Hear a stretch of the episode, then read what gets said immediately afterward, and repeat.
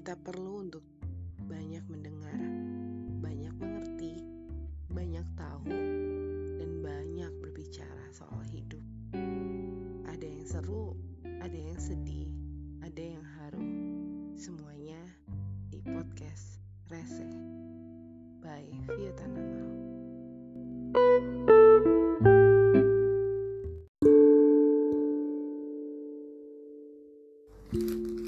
Halo semuanya, gimana kabarnya?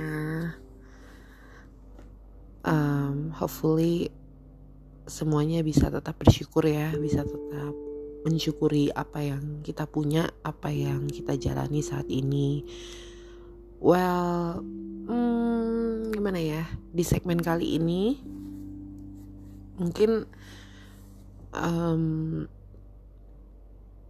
gue akan uh, lebih membagikan kurang lebih uh, personal life dari gue pribadi sama suami gitu setelah kita masuk ke kehidupan menikah gitu. Singkat cerita kita menikah di 5 Desember 2020 ya. Uh, puji Tuhan gitu kita menikah walaupun kita nggak dibuat uh, receptions event ya gitu nggak dibuat resepsi gitu.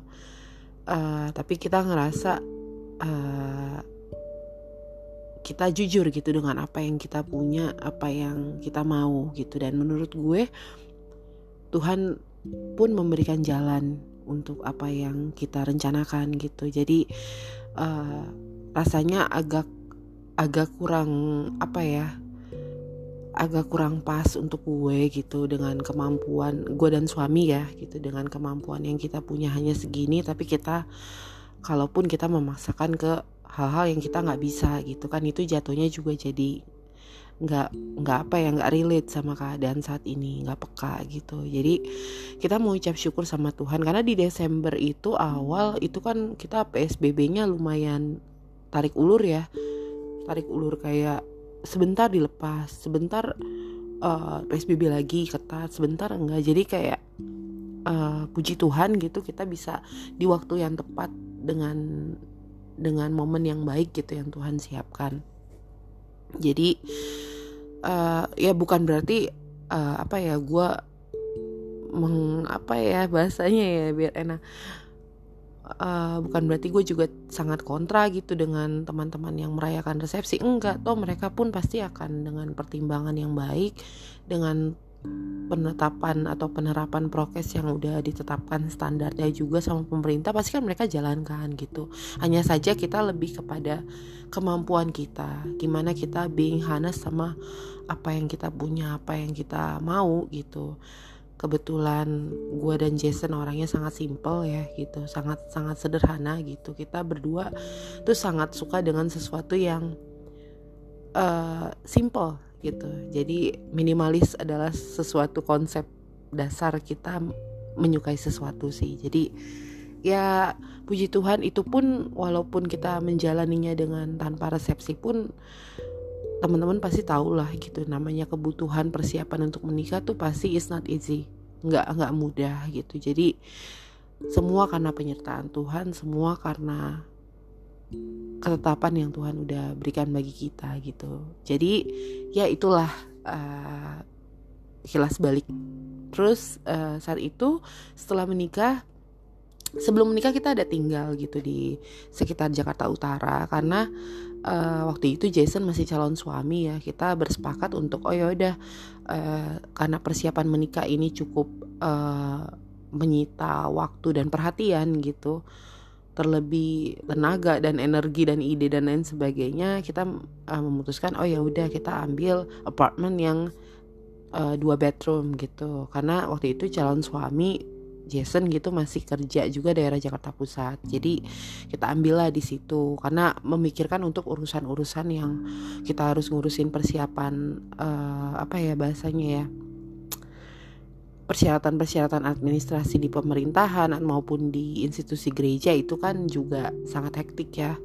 Jadi kita memutuskan yang paling dekat untuk ke gerejaku gitu, gereja gue dan ya titiknya itu yang paling deket gitu memudahkan untuk urusan pemerintahan administrasi dan lain sebagainya beserta urusan pekerjaan Jason. Karena uh, kalau gue pribadi pun masih WFH ya sampai dengan saat ini. Jadi sebenarnya nggak masalah mau dari mana pun gue tinggal as long as gue WFH gitu sesekali ada agenda keluar dari rumah gitu ya untuk kerjaan. Tapi ya paling ya once in a once in a week ya oke. Okay. um, jadi kita waktu itu masih tinggal di situ dan uh, kita mau memulai sesuatu yang baru ya gitu. Mulai sesuatu yang baru dalam artian uh, kita mulai menyesuaikan dan membangun apa yang kita mau bangun gitu dalam rumah tangga kita. Sampai uh, ada beberapa opsi gitu. Kita sempat kayak aduh maunya yang sesuai dengan ini aja uh, penghasilan kita jadi kita benar-benar minimalisir semuanya gitu supaya kita bisa ada dana lebih gitu untuk persiapan KPR dan lain sebagainya. Jadi sempat aku kepikiran tuh kayak sewa rumah gitu di daerah uh, agak lebih ke Banten ujung sih ya teman-teman pasti udah tahu di Maja gitu. Uh, Citra Maja sempat kita kepikiran di situ. But uh, kita udah coba uh, beberapa kali survei, kita juga udah bener-bener pelajari speknya lah dan lain sebagainya. Karena ada plan up uh, waktu itu Jason akan pindah kerja gitu ke uh, sekitaran BSD jadi nggak uh, masalah lah ya kalau hanya naik transportasi umum kayak kereta gitu about 30 minutes gitu dari Maja ke Serpong lalu lanjut uh, yang lain misalnya transportasi online yang memang motor dan lain sebagainya. Jadi pikiran awalnya gitu. Tapi saat suami suamiku ikutan survei gitu kedua kali atau ketiga kali aku lupa uh, dia agak berubah gitu bahwa ternyata oh ini jauh sekali ya. Maksudnya walaupun kita cuma mikirnya 30 sampai 40 menitan gitu ke Serpong tapi akses dan kehidupan dan penghidupan di sana tuh cukup cukup berbeda gitu ya dan cukup sangat sangat kontras gitu perbedaannya kalau kita tinggal di kota gitu. Well ya udah aku putusin sama suami kita sama-sama berdoa dulu gitu. Kita pertimbangkan tentang rencana kita masak-masak. Uh, tapi akhirnya Tuhan bukakan jalan ya. Waktu itu saya waktu itu gue biasa lah maksudnya kayak namanya cewek suka browsing dan lain sebagainya gitu ya suami juga. Kita ada namanya minggu fokus jadi minggu fokus itu kita benar-benar kejar apa yang kita uh, pingin banget gitu untuk dapet di minggu itu. Jadi minggu itu minggu fokus untuk kita cari tempat tinggal berikutnya. Tiba-tiba kayak Tuhan udah siapin aja gitu uh, apa ya ini tempat yang ini lokasi atau ini tempat atau apalah itu yang tepat untuk kalian berdua gitu. Kayak dari mulai harga sewanya dari mulai spek uh, tempatnya dan lain sebagainya lokasinya. Bener-bener itu bener-bener yang kita butuhkan dan yang kita mampu gitu. Aku sampai terharu kalau ngomong ini karena buat sebagian orang pasti kayak aduh ini tuh harusnya bisa lebih murah aduh ini tuh harusnya bisa lebih ini harus mungkin kayak beberapa beberapa akan masih kasih masukan gitu ya kayak ya harusnya sih lebih sederhana aja dan bla dan bla dan bla dan bla. Ya itu menurutku hal-hal yang baik dan positif sekali apalagi orang-orang yang sayang sama kita peduli sama kita mereka pasti akan ngasih masukan yang jujur. Tapi kan balik lagi uh, saat kita menjalani rumah tangga kita tahu kita kita yang benar-benar tahu kondisi seperti apa. Penghasilan uh, penghidupan yang ingin kita ciptakan dalam rumah tangga kita dan lain sebagainya. Aku tuh jujur aja maksudnya untuk budgetnya memang agak sedikit kayak kalau bisa lagi kurang lagi kayak sekitar about 30% atau 50% lagi but it's okay gitu karena ternyata Tuhan cukupkan. Uh, balik lagi kenapa kita bisa milih tempat tinggal yang sekarang ini? Karena aku uh, seorang ambivert gitu suamiku juga sebenarnya tipikal orang introvert ya. Cuman masih masih ada toleransi lah untuk bisa bersosialisasi sama orang tuh masih ada gitu. Aku itu uh, lumayan suka ketenangan kalau di personal life aku pribadi ya. Jadi aku nggak suka berisik aku nggak suka hiruk pikuk dan lain sebagainya. Tapi kalau aku diterjunkan langsung ke kehidupan sosial yang kayak gitu ya it's not a big problem. Itu bukan hal yang suatu hal masalah yang besar banget sih buat aku nggak nggak masalah. Cuman untuk kehidupan hari-hari aku lebih suka uh, lingkungan yang tenang. Privasinya tinggi itu udah pasti. Ditambah uh, ya aku nggak bisa rumah besar-besar banget untuk saat ini. Karena kan lagi penyesuaian untuk rumah tangga ya. Kita lagi belajar untuk bagaimana kita being maksimum in many ways gitu dalam rumah tangga. Dalam bersih bersih dalam uh, mengelola ini itu dan lain sebagainya. Jadi yang nggak perlu spek rumah gede-gede lah apalagi masih berdua belum punya anak gitu. Jadi ya puji Tuhan ini tempat tinggal yang memang kita inginkan dan Tuhan bantu gitu untuk kasih jalan. Ya saat ini kita menikmati masa-masa ini walaupun uh, tempat tinggal saat ini belum masih belum beres ya masih ada tambahan furniture ini itu yang memang harus kita segera bereskan gitu ya. But asap aku bakal update sih. Maksudnya uh, bakalan share gitu sedikit room tour dari tempat tinggal kita yang baru gitu. Jadi uh, aku balik lagi ke topik uh, kehidupan personal aku setelah menikah gitu sama suami. Ya kita berangkat dari latar belakang kita yang sama kurang lebih sama. Bahwa uh, our parents itu bukan apa ya situasi yang konten gitu. Jadi orang tua kita itu bukan uh, dengan rumah tangga yang utuh. Mereka sudah salah satu sudah ada yang berpisah, maksudnya kita kedua orang tua kita berpisah, and then salah satunya sudah ada yang meninggal, dan kedua salah satu orang tua kita yang masih hidup pun sudah membangun kehidupan rumah tangga kembali gitu, dan sudah punya anak-anak dan lain sebagainya. Jadi kita berdua tuh sadar pertama itu kita berdua sadar banget gitu sebelum kita melangkah ke pernikahan bahwa uh, kita yang pasti tidak akan mau untuk membangun rumah tangga sampai dengan seperti itu. Karena balik lagi gitu masalah orang tuaku ataupun orang tua Jason itu lebih kayak ke itu personal sekali ya maksudnya pertanggungjawaban mereka kepada Tuhan. Dan itu balik lagi ke papa mamaku papa mama Jason. Jadi kita nggak mengotak-ngatik bagian itu karena itu udah bagian personal life-nya seseorang gitu. Tapi kita respect sekali dengan orang tua. Jadi kita berupaya saat kita mau menikah kita menciptakan rumah tangga yang tidak seperti itu pada akhirnya. Karena beban tanggung jawab itu kan jauh lebih besar gitu. Sebagai orang yang pernah menjadi dampak maupun impact dari perjalanan rumah tangga orang tua yang tidak utuh itu kan impactnya ke kita. Puji Tuhan kita masih disayang sama Tuhan masih punya respon yang positif sama hidup masih punya apa ya minat untuk struggle dalam kehidupan itu masih ada. Jadi kita nggak uh, salah jalan gitu nggak salah jalan dalam menjalani masa muda kita oke okay. terus balik lagi ke kehidupan ya yang pastinya aku sama Jason berangkat dari kesamaan itu kita menciptakan dan membangun lah sebuah rumah tangga yang idealnya kita mau rumah tangga yang minimalis seperti kita gitu. Maksudnya bukan minimalis kasih sayang dan lain sebagainya ya, bukan minimalis itu sederhana gitu. Dalam artian apa yang kita mau dan apa yang kita mampu itu relate ya udah kita bawa dalam doa, kita siapkan sebaik-baiknya nanti masalah terjadi atau ada jalan atau tidak itu biarkan Tuhan yang menentukan gitu but in the end kita juga harus siapkan opsi-opsi yang baik dalam hidup gitu. Jadi mempersiapkan opsi.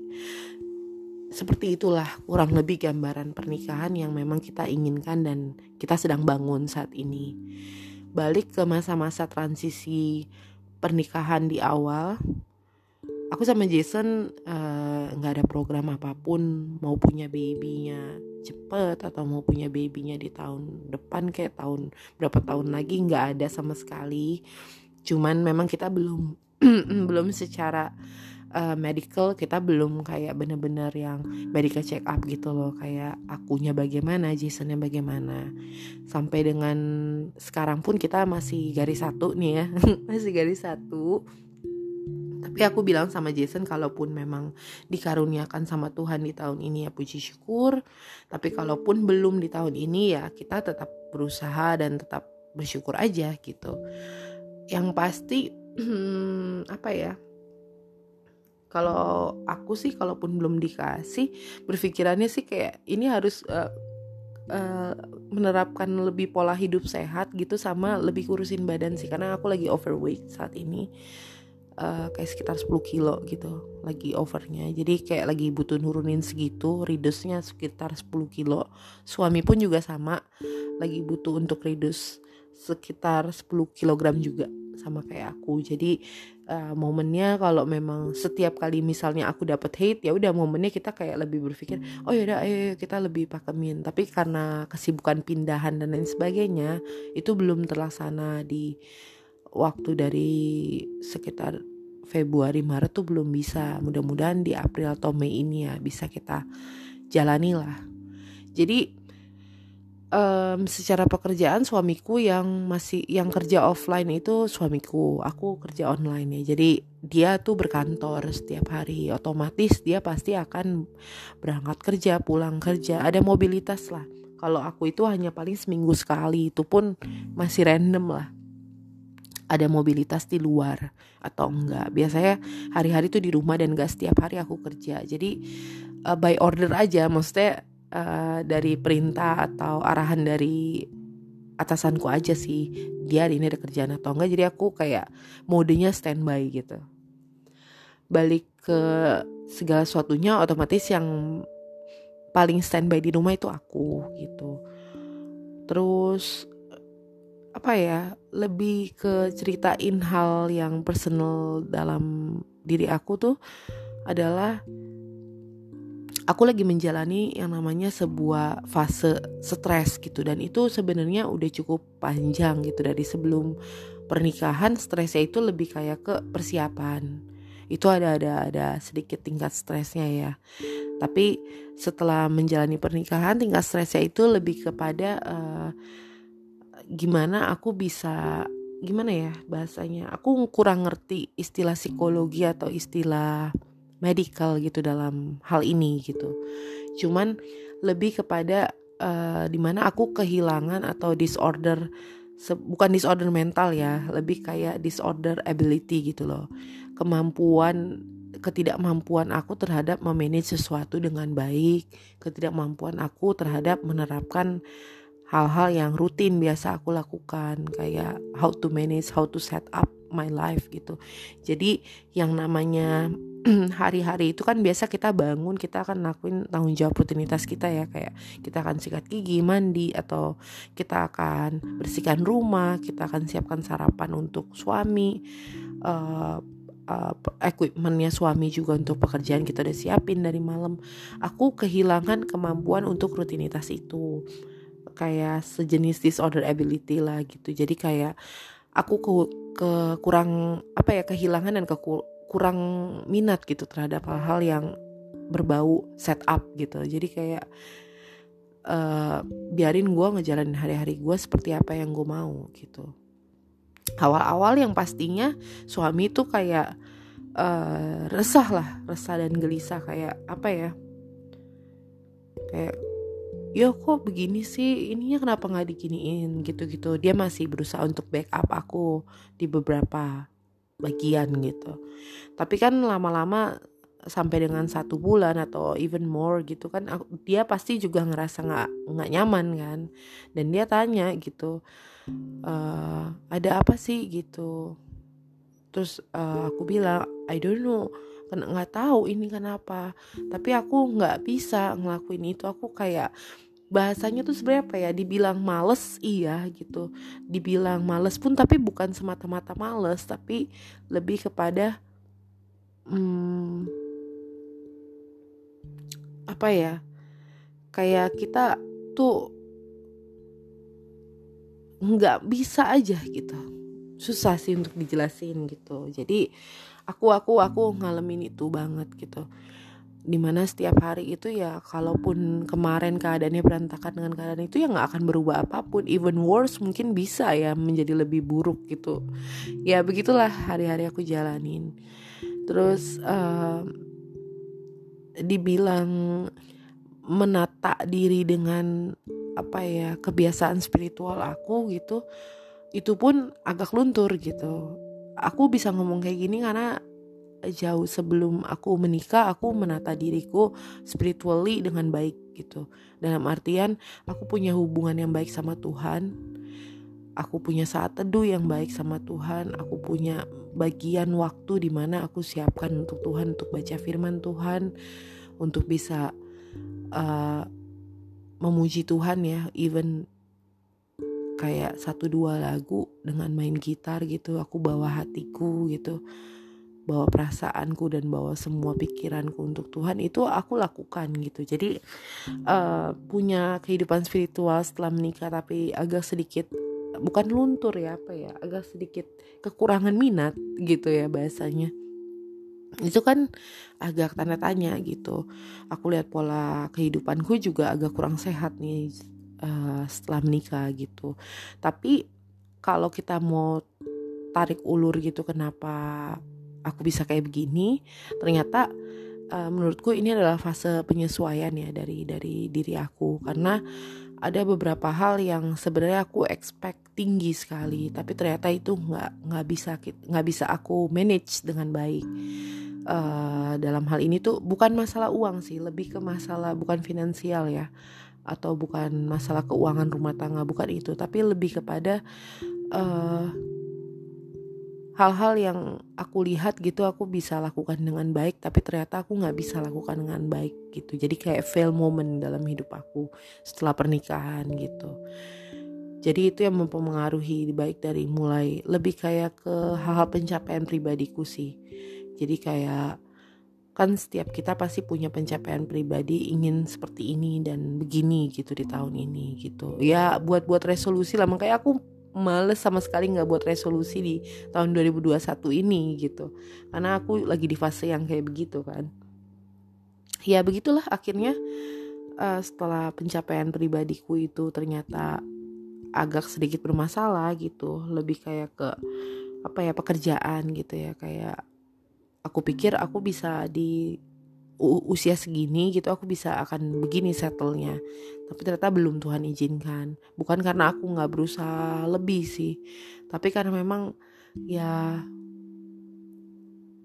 saat ini kondisi hidup ya memang lagi seperti ini ya gitu. Nggak di mana-mana global pun begitu. Jadi uh, aku ada di titik di mana aku juga ngerasa stres dengan apa yang sekarang aku lagi capai dalam pekerjaan aku tapi di satu sisi gue pun maksudnya gimana ya ada ada ada satu peluang besar gitu dengan bisnis yang lagi aku jalanin pun ada gitu ya. Maksudnya kayak uh, ada terima order untuk jahitan dan lain sebagainya itu tetap aku jalanin. Nggak nggak nggak nggak apa ya nggak aku tutup. Cuman kan ada titik di mana aku broken broken heart lah dengan dengan dengan dengan apa yang aku punya gitu. Nggak sesuai dengan apa yang aku capai gitu. Maksudnya gimana sih? Uh, apa yang aku punya saat ini nggak sesuai dengan pencapaian target yang pingin aku raih gitu di tahun ini. At least gue nggak minta misalnya tahun ini halu aja dari misalnya gue bisa di grade sampai 100% di tahun ini kan nggak mungkin gitu. Tapi at least gue pingin kayak rilis 50% untuk bisa di grade dari dari dari dari tahun lalu gitu. Dan itu itu cukup membuat stres sih. Akhirnya kehilangan kontrol untuk bisa uh, men-set up atau memanage diri ataupun kehidupan dengan baik. Aku kehilangan kemampuan itu. Jadi setiap hari itu ya mostly aku akan banyak tidur gitu ya istirahat. Karena daripada gue mikir aneh-aneh macam-macam yang gak penting-penting mendingan gue istirahat. Dan akhirnya itu mempengaruhi ke semua uh, pola hidup gitu. Dari mulai ya makan ya apa pun itulah penerapan apa pun itu dalam hidup akhirnya chaos gitu. Dan puji Tuhan gitu sama suami. Suamiku tuh termasuk orang yang sangat sabar sangat menerima aku apa adanya dan sangat bisa membackup apa yang apa yang dia rasa sedang jadi kelemahanku dia bukan tipikal suami yang dalam tanda kutip tuh bisa seperti idaman-idaman banget ya kalau idaman kita nonton film-film Korea tuh yang bener-bener perfect banget yang kayak secara fisik oke okay, secara intelektual oke okay, secara secara manner dan lain sebagainya dia oke okay. dia nggak bisa 100% 100% kayak begitu uh, dia juga punya banyak keterbatasan ya dalam dalam diri dia gitu. Tapi dia at least mencoba untuk sabar stick sama aku. Bahkan dia selalu tanya tentang what happened gitu gimana hari ini? Kayak aku lakuin apa aja? Terus gimana ada perkembangan gak atau ada perasaan jauh lebih buruk hari ini dan lain sebagainya. Dan dia selalu backup aku di mata orang-orang gitu. Sampai dengan akhirnya uh, kita berdua ada di percakapan serius gitu ya bahwa uh, yo uh, ini udah it's been two months gitu ya udah lebih dari dua bulan gitu kamu kayak begini gitu. Uh, is there any help gitu buat kamu kayak mungkin medical help kayak ke psikologi eh, ke psikiater atau apa dan sebagainya. Tapi kalau kamu nggak butuh kayak begituan nggak apa-apa gitu. Maksudnya kita uh, bisa selesaikan sama-sama gitu. What's the point of the problem gitu kan? Apa apa inti masalahnya tuh apa biar kita bisa bantu untuk uh, sembuhkan sama-sama gitu. Akhirnya kita bicara serius sekitar satu malam gitu lah ya kita bicara dari ke hati ke hati untuk apa yang aku jalanin. Dan saat itu aku ngerasa lega karena udah bisa sampein semua hal yang ngalor ngidul itu jadi ceritanya tuh dari A maunya berurutan A B C D. Jadinya A Z N F gitu gitu lah. Pokoknya kayak kayak kayak perasaan yang bener-bener kayak random aku keluarin semuanya tapi terlebih dari itu aku ingat gitu ya saat itu uh, suamiku bilang gitu bahwa the first time gitu dia ketemu sama aku dia selalu melihat aku sosok yang uh, menarik gitu. Menarik bukan bukannya maksudnya menarik dalam artian flirting gitu ya menarik dalam artian apa pun yang aku bawa dalam diri aku dari mulai percakapan, aura dan lain sebagainya itu selalu menarik untuk bisa untuk bisa dilihat orang sesuatu yang positif gitu. Jadi dia bilang aku nggak memaksa kamu untuk bisa back to your apa ya impression, back to your reality kayak lu harus begini atau begitu. Tapi jadilah seperti yang kamu mampu saat ini untuk menjadi mampu ya ya kamu nggak bisa paksa diri kamu untuk bisa selalu stand up untuk mampu. Tapi kamu harus minta kemampuan itu dari Tuhan gitu. Karena kalau medically pasti ya kita pasti akan cerita lagi sama psikiater dan lain sebagainya. Kita akan kayak sejenis ya kita akan dibuat dengan pola dan metode psikologi lah ya gitu. Cuman uh, suamiku bilang kalau memang kamu nggak pingin dengan cara itu ya kamu cari Tuhan gitu sungguh-sungguh dalam hidup kamu. Apa yang kira-kira kamu butuh untuk dihil sama Tuhan dipulihkan sama Tuhan? Apa yang kira-kira kemampuan apa yang kira-kira kamu mau dari Tuhan untuk kamu bisa keluar dari uh, circle itu gitu maksudnya lebih kayak ke lingkaran yang sedang ada dalam diri aku saat itu. Jadi aku tuh banyak banget skip ya. Dari mulai uh, uh, bales WhatsApp orang itu pasti akan slow banget bahkan bisa nggak bales. Terus orang lagi chat aku di jam produktif pun aku pasti lagi tidur atau aku lagi ngelakuin hal lain yang aku nggak berurusan sama handphone ya.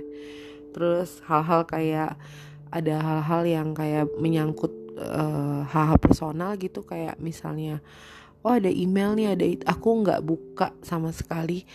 Jadi kayak apa sih untuk menjalani rutinitas itu atau menjadi sesuatu yang normal aja aku sampai udah kehilangan minat gitu. Kayak aku main sosial media kayak Instagram or anything gitu ya. Yaitu hanya untuk sebagai apa ya pelipur aku aja pelipur pelipur apa ya lara gitu dikala memang lagi nggak bisa jadi orang normal gitu. Jadi kayak untuk tetap merasa bahwa gue manusia normal ya gue berusaha untuk bersikap kayak manusia normal. Tapi itu susah sekali effort sekali gitu. Jadi ya begitulah kurang lebih. Tapi satu hal yang aku syukuri ketika suamiku bilang soal tadi gitu soal eh jadilah apa yang kamu mau saat ini. Selagi itu benar buat Tuhan.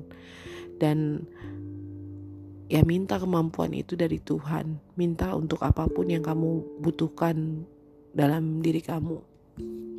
Jadi puji Tuhan ya. Walaupun itu sejenis minggu yang sulit untuk aku laluin gitu.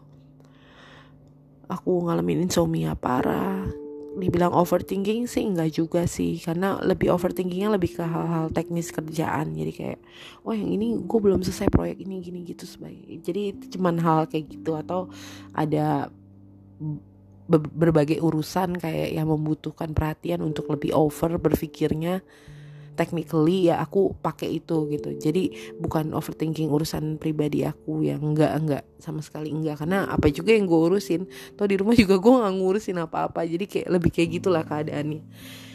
Jadi aku kayak insomnia para tidur mungkin bisa pagi baru tidurnya siang bangunnya sore kayak gitu gitulah jadi kayak melupakan tugas dan tanggung jawab sebagai seorang istri dan aku ngerasa juga in that way aku gagal gitu sebagai seorang ibu rumah tangga apalagi sebagai seorang yang belajar tuh aku ngerasa kayak kok bisa sih gue gitu? Jadi itu yang membuat aku makin drop gitu. Jadi segala sesuatu urusan bahkan urusan-urusan personal aku entah sama temen entah sama urusan bisnis urusan lain sebagainya itu ada beberapa yang skip banyak sekali gitu. Dan aku sempat untouchable ya. Sempat nggak mau tersentuh juga sama orang orang-orang gitu. Kayak aduh aku bener-bener nggak mau. Ada momen-momennya kayak gitu kikuk gitu lah momen kikuk gitu yang kayak nggak tahu apa yang dihindari nggak tahu apa yang diapain juga nggak tahu. Cuman kayak mencoba mencari secure aja secure momen buat diri aku sendiri itu sulit gitu ya intinya sih seperti itu. Mungkin kalau teman-teman ngerti istilah mediknya apa atau istilah mentalnya tuh apa gue gak ngerti istilah-istilah kayak gitu mungkin bisa DM gue kali ya ke Instagram. Tapi uh, itu cuman ya FYI aja gitu. Karena saat ini gue udah bener-bener ngerasa berbeda gitu. Kenapa gue bisa bilang kayak gitu? Karena ada satu momen gitu uh, uh, ini nggak lagi nggak ada suami gitu. Jadi gue berusaha untuk bangun momen gue sendiri sebaik-baiknya. Dan lagi-lagi ya nggak ada hal apa pun mau science kek mau apa kek social things or everything gitu ya yang bisa memulihkan kita selain yang ada dalam diri kita sendiri yaitu ya spiritual way gitu menurut gue dan gue selalu percaya itu. Kenapa? Karena di dalam spiritualitas itu kita ada kejujuran ada kekuatan ada damai yang kita nggak bisa hold it gitu dari apa pun yang orang lain kasih ke kita. Jadi saat itu gue akuin sama Tuhan semuanya bahwa apa yang gue rasakan sama plongnya sih sama ketika gue bilang itu sama suami. Cuman perbedaannya adalah kayak ada sejenis feedback dari Tuhan yaitu feedback bahwa gue ngerasa apa yang gue rasain sama ini burden yang mungkin menyelimuti gue perasaan bersalah atau perasaan ketidakmampuan gue sebagai istri dengan baik ketidakmampuan gue sebagai seorang pribadi yang dalam hal pekerjaan pencapaian gue tidak cukup baik gitu di usia sekian dan lain sebagainya gitu. Jadi kayak ada hal yang berbeda yang Tuhan kasih gitu. Feedbacknya itu adalah bahwa gue seperti merasa bahwa Tuhan gak pernah lupa sedikit pun tentang gue siapa gue bagaimana gue dari gue kecil sampai besar. Dan itu kayak merefleksikan sesuatu bahwa penyertaan Tuhan tuh gak akan pernah habis buat gue dan kasihnya Tuhan tuh gak akan pernah berakhir dan menyerah sama gue sekarang lebih kepada bagaimana gue bisa melihat itu dan bisa mempergunakan itu dengan sebaik-baiknya dalam hidup gue mungkin kemarin-kemarin kayak jadinya Tuhan kayak ngingetin kemarin-kemarin mungkin ketika udah bisa menikah menjalani gitu gue lupa bahwa setelah menikah kan visi yang baru yang Tuhan taruh lewat suami kita gitu. Itu perlu untuk kita apa ya perlu untuk kita pelajari perlu untuk kita singkap pelan-pelan gitu. Jadi jangan lagi taruh visi pribadi kita di atas visi rumah tangga kita dan gue ngerasa gagal gitu. Karena kita pasti akan merasa bahwa kita akan jadi orang yang gagal gitu. Jadi kayak singkat cerita gue udah WFH tuh udah jauh sebelum dari corona lah. Mungkin empat bulan sebelum corona itu ada. Dan sampai saat ini gue masih menjalani WFH gitu. Mungkin buat sebagian orang akan bilang kayak nggak jelas banget sih. Ih sumpah deh itu parah banget ya gitu dan sebagainya. Dan dari ketentuan uh, income dan lain sebagainya pun itu di adjust gitu kan. Untuk untuk lebih kepada apa ya? Lebih kepada ya sistem sih maksudnya kayak ya lu lu nggak bekerja secara efektif dalam ketentuan perusahaan kan ya gaji lu disesuaikan lah dengan itu gitu. Jadi gue udah menjalani itu udah cukup lama gitu. Dan uh, kantor pun juga udah tutup gitu. Jadi kayak hanya kerja mobile aja jadi kalau memang ada order untuk bisa lakuin ini itu ya gue lakuin. Dan kalau buat orang dunia kan ngeliatnya itu di ambang-ambang di apa ya di titik terombang ambing gitu. Tapi gue melihatnya sebagai gue udah tanya Tuhan apa perlu gue untuk cari kerja lain? Dan gue udah berusaha juga gitu. Tapi memang uh, jalan Tuhan tuh untuk begini gitu. Dan suami gue pun mendukung gue untuk tetap bekerja di tempat ini gitu. Jadi apa ya? Ya itulah gue menaruh visi pribadi gue di dalam visi rumah tangga. Dan satu hal yang memulihkan diri gue itu adalah ketika gue sadar bahwa selama ini sekalipun gue nggak bisa berupaya untuk melakukan peranan gue sebagai seorang Vio gitu ya sebaik-baiknya baik sebagai istri sebagai manusia kayak gue kan pasti egois ya cuman mikirin diri gue gue terjebak di situ dan gue nggak bisa ngelakuin banyak hal buat orang lain. Dan gue ngerasa bersalah sebesar besarnya untuk hidup gue gitu. Eh gue merasa bahwa sekalipun gue egois dengan hidup gue Tuhan masih sayang sama gue sekalipun mungkin bagi orang lain atau bagi siapa pun melihat apa yang gue capai saat ini atau bagi diri gue sendiri ya melihat apa yang gue capai saat ini itu nol besar atau gagal. Tapi Tuhan melihatnya sebagai sesuatu permata gitu. Sesuatu yang berharga bahwa dengan apa yang gue lakukan dalam hidup gue gue masih mau berupaya dan berusaha untuk bisa jadi seseorang yang baik dalam hidup ini. Jadi saat dekat Tuhan dari segi mindset kita, dari segi apa pun itu, itu pasti akan berubah. Satu lagu kalau teman-teman tahu, teman-teman yang Nasrani, judulnya Bapak Kau Setia. Itu lagu ada di mana momen gue merasa sangat-sangat sendirian untuk menjalani ini. Dan waktu gue denger itu, gue ngerasa seperti Tuhan mengajak gue berbicara gitu tapi mengajaknya untuk bukan untuk dua arah dua arah tapi berbicara untuk gue merefleksikan hidup gue terhadap Tuhan dan saat gue menyadari ada kasih setia Tuhan ada penyertaan Tuhan yang selalu ada buat gue itu jadi kekuatan yang baru buat hidup gue dan akhirnya saat ini pelan-pelan gitu walaupun gue menatanya pelan-pelan ya satu dua minggu belakangan ini gue sedang menata diri secara pelan-pelan bagaimana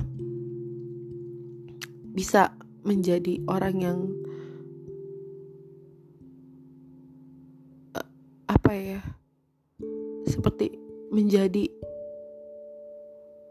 yang baik gitu. Untuk untuk sebuah permulaan lagi ditambah dengan dukungan dari suami gitu. Gue menjadi lebih berfaedah hari demi hari menjadi lebih bermanfaat. Sekalipun mungkin ada teman-teman yang ada di fase mungkin yang kayak ya makanya cari Tuhan dulu baru lu bisa begini begitu makanya lu beginilah supaya juga hidup lu ada perubahan please stop judgment kehidupan orang lain. Karena uh, balik lagi gitu kita di dari sudut pandang mana kita bisa bicara seperti itu?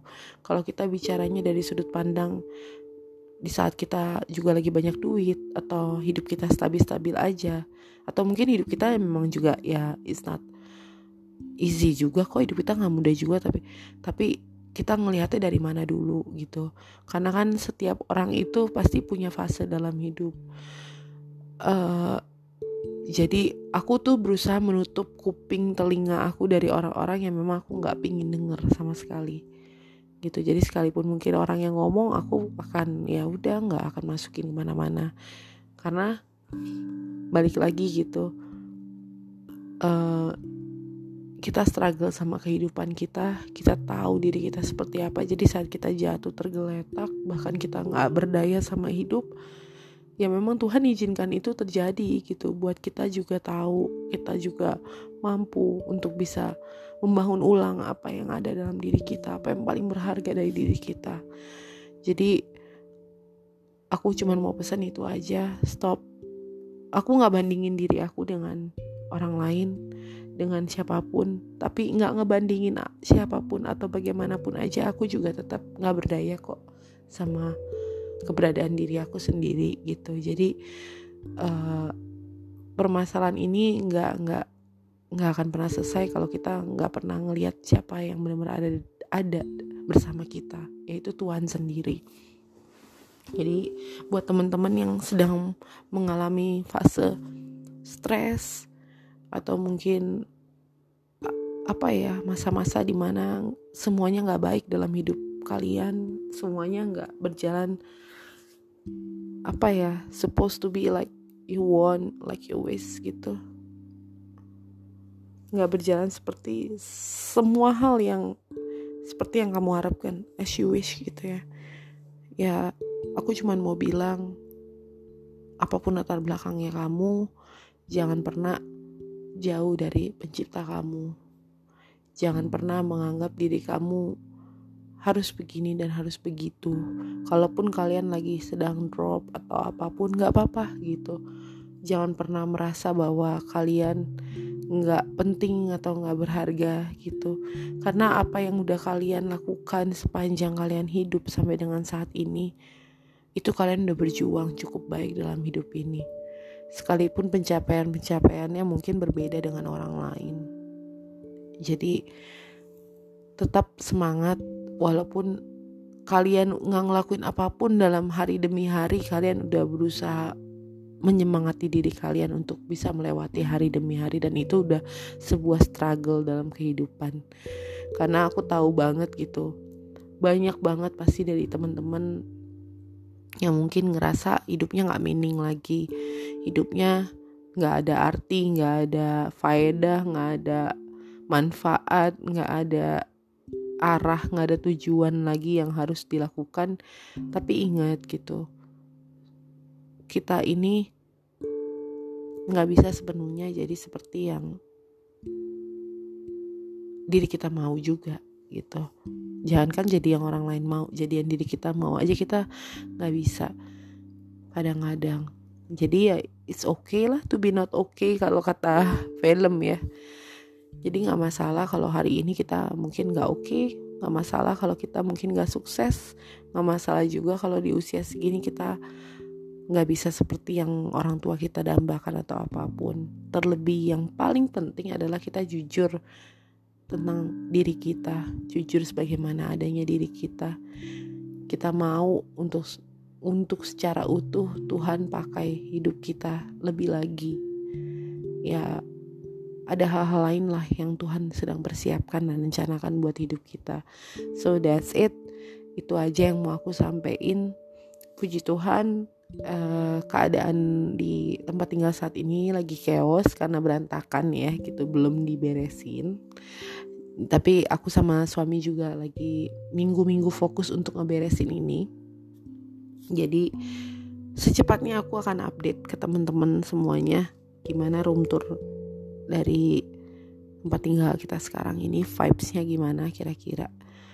Dan yang paling mendasar adalah kita nggak bisa pakai pengalaman kita untuk kita uh, bandingin sama pengalaman orang lain nanti kita jadi orang yang apa ya kalau aku bilang itu